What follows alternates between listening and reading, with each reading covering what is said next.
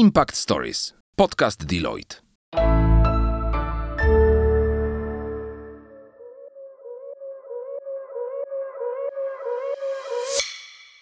Cześć! Impact Stories powstało z myślą o studentach, którzy szukają inspiracji, chcą się rozwijać i poznawać świat biznesu od kuchni. Znasz zasadę nic o nas bez nas? My też. Dlatego Impact Stories prowadzą studentki i studenci różnych uczelni z całej Polski. To aktywne działaczki i działacze organizacji studenckich, którzy na chwilę chcą się znaleźć po drugiej stronie lustra. Dzięki Impact Stories spotkają się z ekspertkami i ekspertami Deloitte z różnych dziedzin, którzy podzielą się z nimi swoim doświadczeniem i odpowiedzą na najtrudniejsze pytania.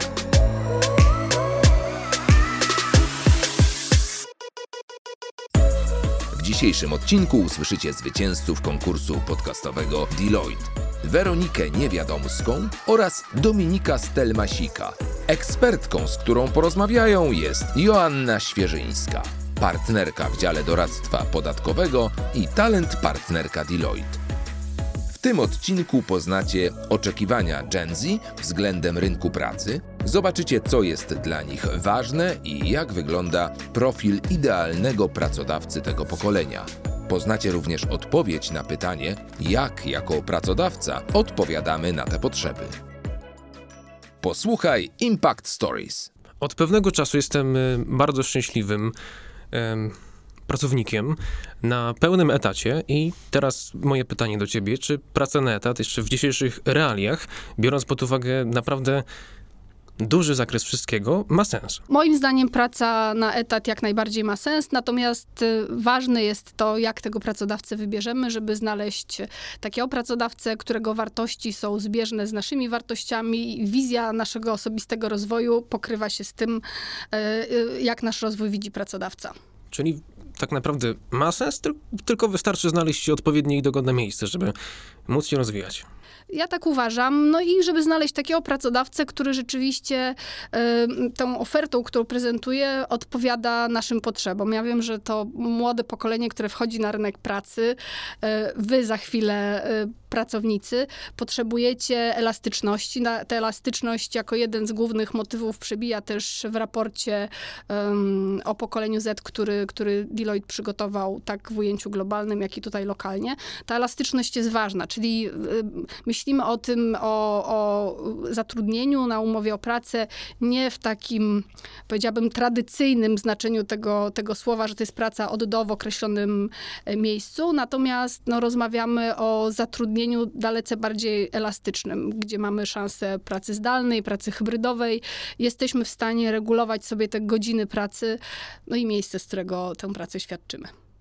A czy pracodawcy są gotowi na to, jakie y, podejście reprezentuje nasze pokolenie, czyli um, około 8-9 razy w ciągu życia zawodowego tę pracę zmienia, zmienia swoich pracodawców i jaki jest pomysł na to, aby pracodawcy utrzymali przy sobie tych pracowników, których chcą zatrudniać? Mhm.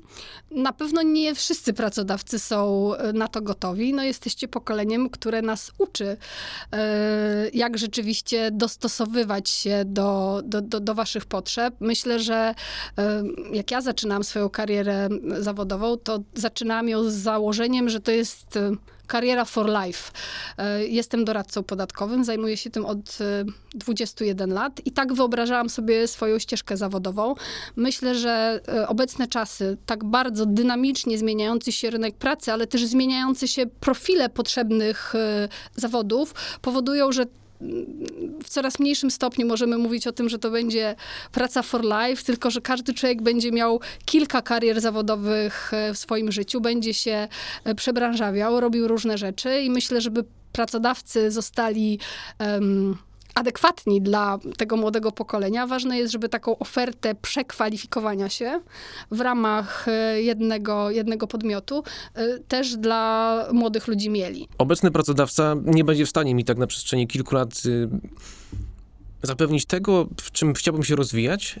I też teraz pytanie moje, jako rada dla wszystkich, nie tylko dla mnie, kiedy opuścić okręt w takim jak rozpoznać ten najbardziej dogodny moment, żeby to wszystko przeszło płynnie? Ja bym powiedziała, że taki moment, y, który jest dobry na zmianę, no to jest chyba właśnie to, że to jest taka sytuacja, w której nie czujemy, że idziemy dalej, nie czujemy, że zbieramy y, nowe doświadczenia, że rozwijamy się. No, mówi się, że w dzisiejszych czasach y, stanie w miejscu to de facto cofanie się, więc myślę, że też fajnie i to jest wpisane akurat w naszej firmie też właśnie w rozwój zawodowy pracowników.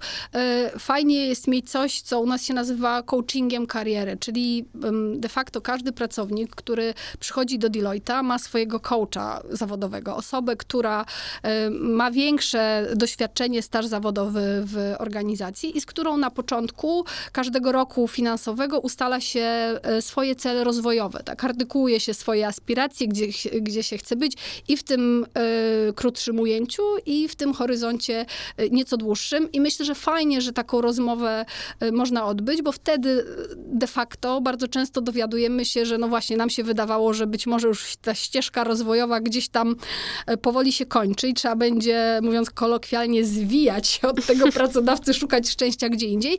Gdzieś e, fajnie, dobrze poprowadzona taka rozmowa pokazuje, że naprawdę tych możliwości rozwojowych jest e, bardzo dużo, tak jak powiedziałam, w ramach jednego działu, w ramach innych działów, w ramach szkoleń oferowanych wewnętrznie w firmie, czy też takich szkoleń, na które wysyłamy naszych pracowników na zewnątrz. A co z nami, czyli z osobami młodymi? Ponieważ zauważam, że jako młode osoby, tak jak już wspominaliśmy, dopiero wchodzące na rynek pracy, mamy bardzo duży problem w zdobywaniu doświadczenia, tego pierwszego, pierwszego do, zawodowego doświadczenia, e, czemu na pewno nie sprzyjają bezpłatne staże czy praktyki, czy w Polsce, czy za granicą.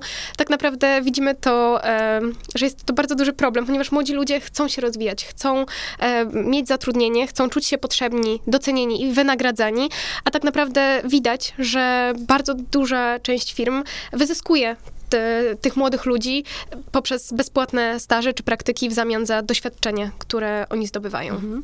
No powiem tak, że nie chcę jakoś nadmiernie chwalić Deloitte'a, ale no nie wyobrażam sobie sytuacji, w której rzeczywiście staż w naszej firmie byłby e, bezpłatny. No myślę, że to jest z jednej strony taki element e, higieniczny, ale też związany z etyką biznesu, tak? Jeżeli, jeżeli mamy osobę, która e, wspiera nas w pracy dla naszych klientów, no to jak najbardziej powinna być za to wynagradzana i myślę, że coraz więcej firm e, w ten sposób jednak podchodzi do młodych ludzi wchodzących na rynek pracy i tych staży, które są niepłatne, jest e, coraz mniej. Myślę, że to jest e, dobry kierunek, bo absolutnie zgadzam się z tym, że że za fair pracę należy się fair wynagrodzenie, a to, że y, ktoś zaczyna dopiero swoją drogę zawodową i być może nie napisze jeszcze skomplikowanej opinii podatkowej, to nie znaczy, że e, jego praca e, na rzecz naszej firmy nie jest użyteczna. Jest dużo elementów takich, które już od samego początku e, można wykonywać, a wspierają pracę na rzecz y, klientów jak najbardziej także w wymiarze finansowym powinno być to docenione. Jeszcze w kwestii pieniądza, bo to oczywiście najważniejsze w życiu. O, pieniądz rządzi światem. Powszechnie wiadomo. Bo według badania Deloitte prawie połowa Gen Z i milenialsów żyje od pierwszego do pierwszego. Y, tak się też y, źle, źle składa, że należy do tego niechlubnego grona. I teraz pytanie, jak sobie z tym poradzić, żeby w tych trudnych czasach, kiedy ledwo starcza nam na przeżycie tak prawie połowie naszego pokolenia, jak nie zwariować i jednocześnie jak wciąż dążyć do lepszego jutra. No, myślę, że to jest ciekawe pytanie, ale i też e, wcale niełatwa jest e, na nie odpowiedź, bo dodałabym, e, powołując się na tenże raport, że z jednej strony rzeczywiście jest tak, że bardzo duża część waszego pokolenia rzeczywiście pracując żyje od paychecku do paychecku. Z drugiej strony z tego raportu też wynika, że takie napięcie i niepokój, który mm, młodzi ludzie odczuwają w związku z taką sytuacją jest coraz większy. Presja inflacyjna, którą widzimy, niepokoje, które gdzieś tam się pojawiały i związane z wojną, z o, ostatnie dwa i pół roku COVID-u, no też e, sprawy nie ułatwiają. Z tego raportu wynika, że część młodych ludzi radzi sobie w ten sposób, że próbuje znaleźć e, drugą równoległą pracę. Ten odsetek jest zdecydowanie większy poza granicami Polski. W Polsce to jest cały czas mniej pracowników. No ja bym poleciła, myślę, z jednej strony szukanie pracodawcy, który za dobrą płacę za dobrą pracę płaci godziwe pieniądze. E, to jest, e, myślę, jedna rzecz. E, a druga, uczenie się, podnoszenie swoich kwalifikacji zawodowych, umiejętności, tak żeby być atrakcyjnym kandydatem właśnie dla tych pracodawców, którzy płacą dobrze. A czy mm, te kompetencje muszą być jedynie kompetencjami twardymi? Czy mówimy również tutaj o kompetencjach miękkich, które z mojej perspektywy są bardzo ważne i z tego, co wynika z, z różnych badań, mm, ta mm, tendencja będzie wzrostowa, że na rynku pracy bardzo będą liczyły się kompetencje miękkie, które moim zdaniem są bardzo zaniedbywane teraz przez nasze pokolenie. No, myślę, że te kompetencje miękkie rzeczywiście y, zyskują na znaczeniu, są coraz ważniejsze i one są y, tak naprawdę tym ważniejsze, im wyżej się w organizacji jest, tak? Mamy taki, myślę, na pod, jeżeli chodzi o liderów, y, ja to nazywam, że takie trzy shifty, że jeden shift jest związany z przejściem od wiedzy, od tego, że ja wiem, do tego, że y, umiem zadawać pytania. Drugi shift jest związany z przejściem od tego, że ja jestem z pozycji siły, że jestem in power, do empowermentu, czyli dzielenia się odpowiedzialnością, umiejętności angażowania ludzi do e, wykonywania określonych zadań i przejście z inteligencji kognitywnej do inteligencji emocjonalnej. Więc e, e, rzeczywiście te elementy związane z komunikacją, empatią, myślę, że one zyskują na znaczeniu, będą coraz ważniejsze w przyszłości, tym bardziej, że ten nasz dzisiejszy świat jest super skomplikowany.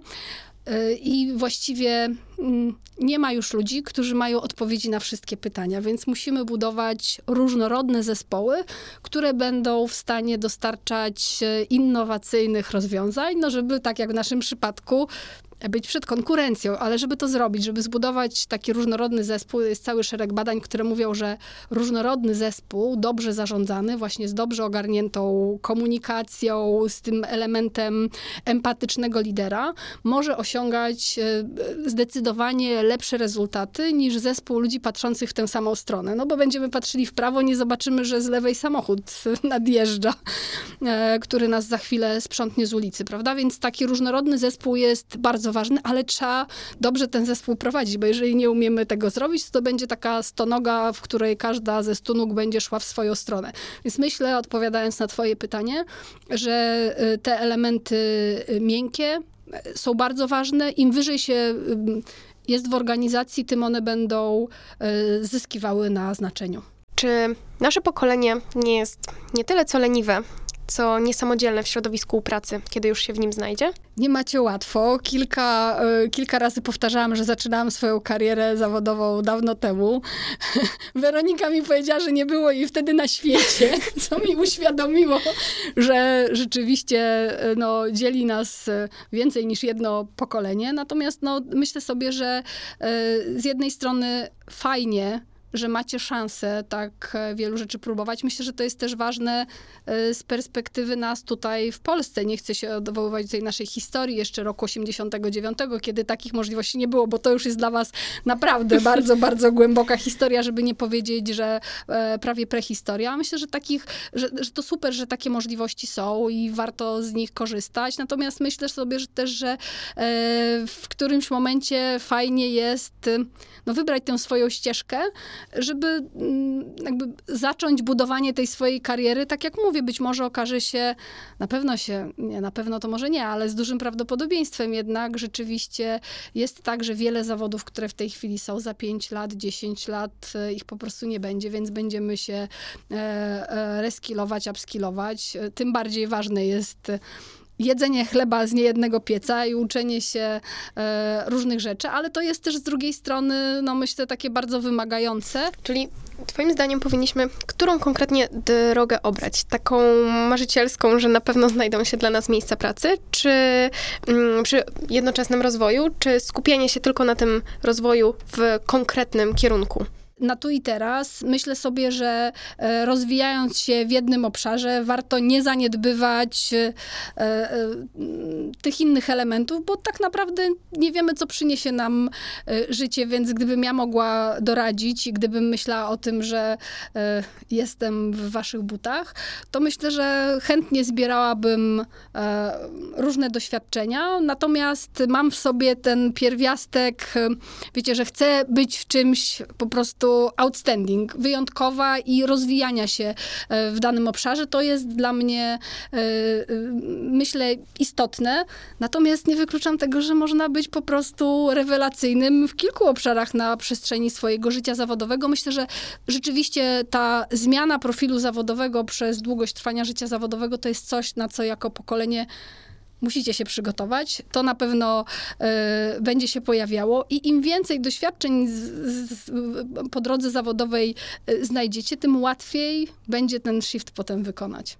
Tak mi się właśnie wydaje, że młodzi ludzie, jeżeli mają już jakieś doświadczenia z wielu różnych branż czy kategorii, mogą um, dobierać sobie pracodawcy i pracodawców i chciałabym um, kiedyś, takie, takie moje marzenie, jeżeli chodzi o pracę, żebym to ja um, wybierała pracodawcę, a nie on mnie, czyli żeby komuś zależało bardziej na, na zatrudnieniu mnie niż mi samej, aby, aby zostać zatrudnioną.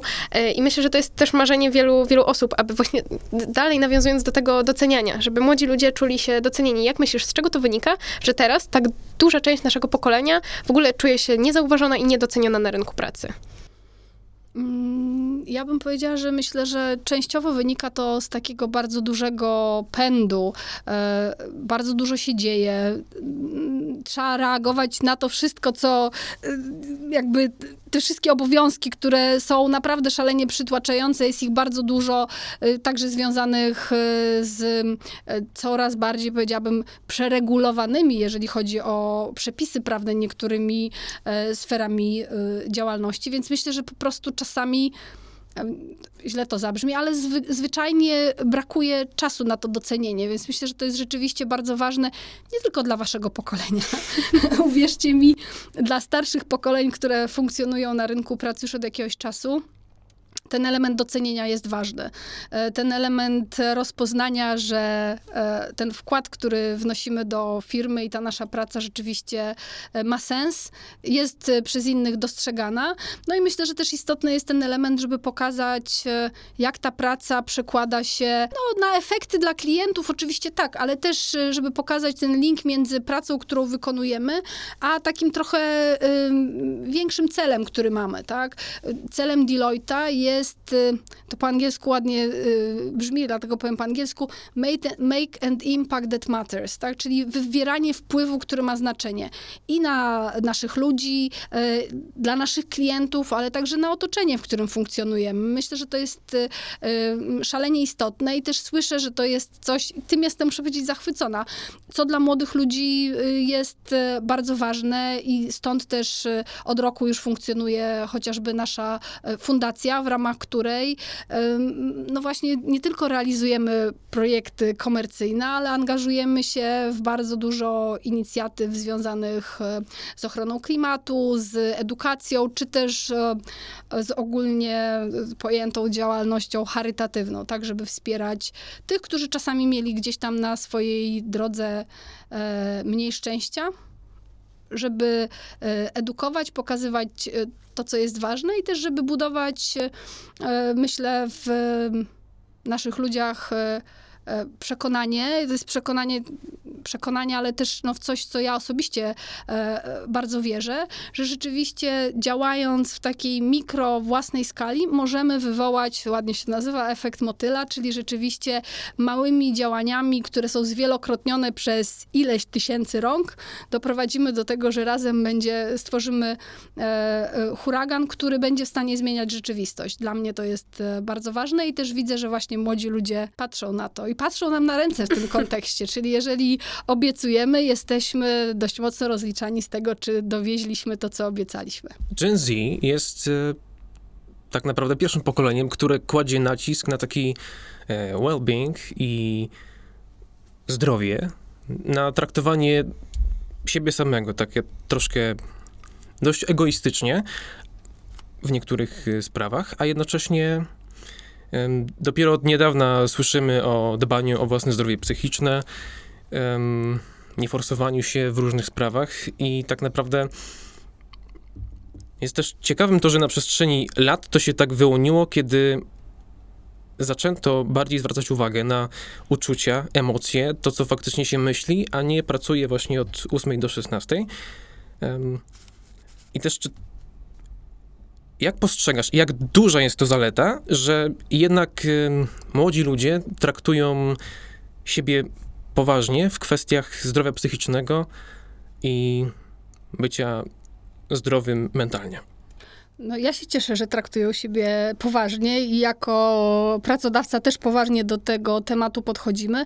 Ja myślę, że to, co jest z mojej perspektywy ważne, jeżeli chodzi o zdrowie psychiczne, e, rzeczywiście ten świat jest naprawdę skomplikowany, tak? I ilość e, tych bodźców z zewnątrz, trudnych tematów, e, które się pojawiają, o których rozmawiamy, rozmawialiśmy e, dzisiaj, no one powodują, że rzeczywiście to zdrowie psychiczne, widzimy, że coraz młodsze dzieci nawet mają coraz więcej y, problemów psychicznych, więc to, co jest z mojej perspektywy y, szalenie istotne, to to, żeby pracodawca y, dawał przestrzeń do mówienia o problemach, które mamy, żeby to nie był temat tabu, jak przez całe lata gdzieś tam tak się rzeczywiście działo, pokutowało takie przekonanie, że w pracy jesteśmy pracownikiem, a sobą jesteśmy poza pracą. No ja patrzę na to w ten sposób, że jestem całą sobą, taka jaka jestem i w życiu prywatnym, i w życiu zawodowym, ze wszystkimi moimi sukcesami, ze wszystkimi moimi e, problemami, ze wszystkimi moimi wyzwaniami. I myślę, że to jest ważne, żeby temat zdrowia psychicznego, zwracać na niego uwagę i normalizować go w miejscu pracy, więc e, cieszę się, że e, mówimy o tym głośno, że wy jako pokolenie zwracacie na to uwagę, a pokolenia, które były przed wami, też coraz odważniej e, mówią o tym temacie. A jeżeli chodzi o work-life balance, no podoba mi się hasło w jakiś tam sposób definiujące wasze pokolenie, że myślę, że praca ma dopełniać życie, a nie to życie wypełniać. Myślę, że to jest takie, no coś, co, w co też głęboko wierzę, że no, praca powinna dawać nam szansę na e, samorealizację, mm, realizowanie naszych aspiracji. Chcielibyśmy mieć poczucie e, takiego docenienia, ale mieć też w życiu czas na życie, realizowanie swoich pasji, na to, żeby mieć e, e, rodzinę, przyjaciół, no i robić to,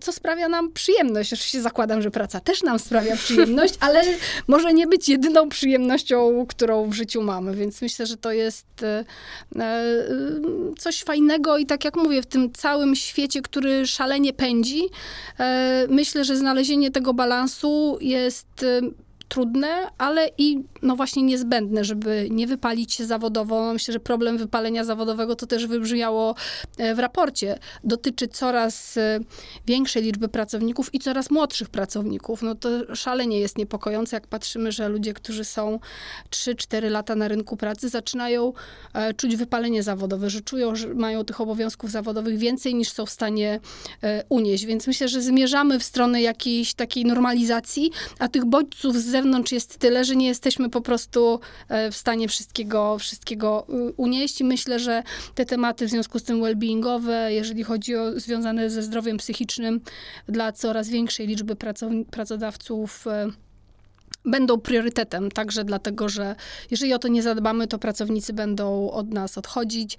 E, Będziemy mieli do czynienia ze zjawiskiem absentyzmu, czyli no, ludzi nie będzie, będą na przedłużających się zwolnieniach chorobowych albo będą po prostu e, niezaangażowani w tę pracę, więc e, jak najbardziej uważam, że powinniśmy działania e, wspierające well-being i mental health e, promować. Też ciekawe, że musiało minąć aż tyle lat, żeby w końcu ktoś zrozumiał, że też można mieć zły dzień, można być mniej produktywny w pracy i że faktycznie takie to rozróżnienie między pracą a życiem. Tylko, że w dzisiejszym świecie łączymy to, szczególnie przez na przykład pracę zdalną, która poniekąd tutaj są różne opinie na, na ten temat, że praca zdalna tak naprawdę została stworzona i ym, przypieczętowana przez COVID i sytuację na świecie.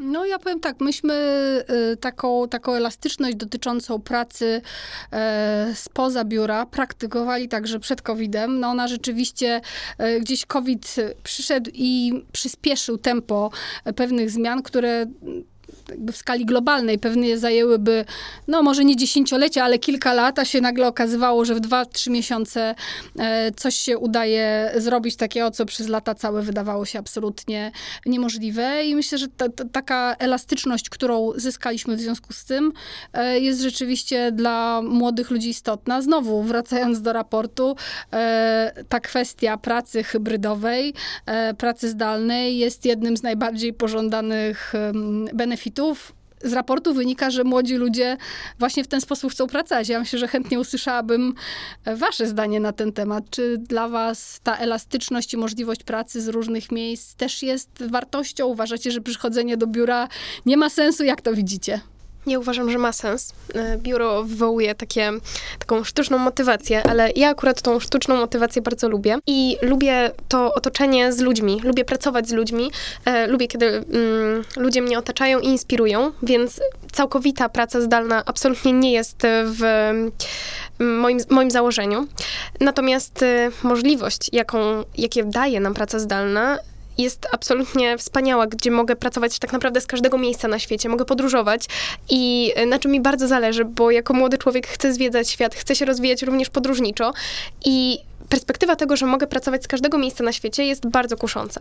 A perspektywa tego, że od 8 do 16 muszę być w biurze i jestem tak naprawdę przywiązana do miejsca, w którym pracuję, jest troszeczkę druzgocąca. Dlatego dla mnie praca zdalna to szansa, e, ale na pewno nie taka um, stała przyszłość, czyli nie chciałabym pracować tylko zdalnie. Mm. Dominika, ty? Też lubię ludzi czasem i niektórych, a jednocześnie uważam, że jednak kontakt z tymi ludźmi, mimo że to bywają po prostu ludzie, których mijamy, jest y, na tyle ważny, że faktycznie bardziej byłbym skłonny w kierunku pracy hybrydowej, niżeli zupełnie zdalnej. Ja muszę wam powiedzieć znowu z perspektywy tych dwóch i pół roku, kiedy pracowaliśmy bardzo dużo zdalnie, że jakby filozofia, którą mamy u nas, to rzeczywiście jest praca hybrydowa, czyli wyciągnięcie tego, co najlepsze ze starego systemu i tego, co e, dał nam ten czas COVID-u, jeżeli chodzi o pracę zdalną i połączenie e, tych dwóch światów w taki sposób, żeby mieć szansę spotkać się z ludźmi, wzajemnie się inspirować, też budować ducha zespołu, co w naszym biznesie jest bardzo ważne, żebyśmy czuli się ten sense of belonging, że jesteśmy częścią większej e, e, całości, żebyśmy mieli szansę uczyć się od siebie. Myślę, że to są takie aktywności, e, które łatwiej robi się mając ten osobisty kontakt. Natomiast no rzeczywiście możliwość pracy w formacie hybrydowym oznacza, że mamy też szansę pojeżdżenia, pracowania z różnych miejsc i wyciągnięcia też z tej hybrydy e, maksa dla siebie, bo oszczędzamy e, czas na dojazdy, oszczędzamy pieniądze, możemy oglądać e, ten piękny świat, e, który mamy dookoła, chociaż z tą pracą z każdego miejsca na świecie, ja jako doradca podatkowy, jeszcze specyficznie zajmujący się tam, tematyką pitowsko-zusowską, czasami miewam problem, bo, bo e, dla mnie jako profesjonalisty w tym zakresie od razu tam gdzieś mi się czerwona lampka zapala, że mm, no nie wiem, nie wiem, czy nie trzeba byłoby tego, tej pracy w innym kraju opodatkować. E, natomiast no absolutnie myślę, że ta elastyczność rzeczywiście na niej e, zaczęliśmy naszą rozmowę i nią chyba w pewien sposób e, kończymy jako taką klamrą. Ona jest ważna dla waszego pokolenia. Myślę, że moje pokolenie coraz lepiej to rozumie i także tę elastyczność docenia. Kochani, ja przez, zanim weszliśmy na antenę, mówiłam, że odgrażałam się, że e, ja was wezmę w krzyżowy ogień pytań. Nie udało się, bo wyście mnie zasypali tymi pytaniami. Natomiast pozwólcie, że na koniec zadam swoje najmocniejsze pytanie. Powiedzcie mi, jaki jest dla was ten wymarzony pracodawca i czego od takiego pracodawcy oczekujecie? Najlepiej, gdyby udało wam się w jednym zdaniu. Jeżeli chodzi o mnie, to sam chciałbym być dla siebie pracodawcą być takim właśnie freelancerem, tak skaczącym sobie z kwiatka na kwiatek e, i mogącym dzięki pewnym zleceniom, czy też jakiejś... Czyli nie chcesz pracodawcy, mówiąc Tak, krótko, mówiąc, mówiąc krótko, tak. e, sam sterem, żeglarzem, okrętem, decydować Dokładnie. co, kiedy i na jakich zasadach No, robisz. oczywiście, tak byłoby najprościej, chociaż nie wykluczam do pewnego czasu y, tej pracy stałej, chociaż gdzieś na mniejszym etacie. To chyba jest też jakaś definicja waszego pokolenia. Wyczytałam e, kiedyś, e, że wasze pokolenie jest definiowane przez I want what I want when I want it. Weronika? Mm, Nie chcę się ograniczać do tego, czy sama będę dla siebie pracodawcą, czy będę pracowała u kogoś, ale niezależnie od tego, gdzie finalnie znajdę swoje miejsce na rynku pracy, to chciałabym, aby pracodawca, który, z którym będę współpracować, był przede wszystkim liderem, osobą empatyczną, osobą, która em, ciągnie tak naprawdę wszystkich e, przed sobą, a nie jest nad nimi, e, żeby była to osoba inspirująca, e, doceniająca finansowo i e, doceniająca mnie jako pracownika, e, a także dbająca o komunikację w zespole, który, który razem tworzymy. To chyba byłoby e, najlepsze i byłoby, byłby to dla mnie idealny scenariusz. Super. Poprzeczka jest e, postawiona wysoko, Myślę, że święty Mikołaj by spełnił. ale warto próbować do niej doskoczyć. Dziękuję wam bardzo. Dziękujemy. Również dziękujemy. Dziękujemy za Twoją uwagę. Już dziś zapraszamy Cię na kolejny odcinek naszego podcastu. Impact Stories znajdziesz na wszystkich platformach streamingowych i w serwisie YouTube. Zasubskrybuj podcast Deloitte, aby być z nami na bieżąco. A jeśli chcesz dowiedzieć się więcej o naszej serii, odwiedź stronę kariera.deloitte.pl. Do usłyszenia w kolejnym odcinku. Impact Stories. Podcast Deloitte.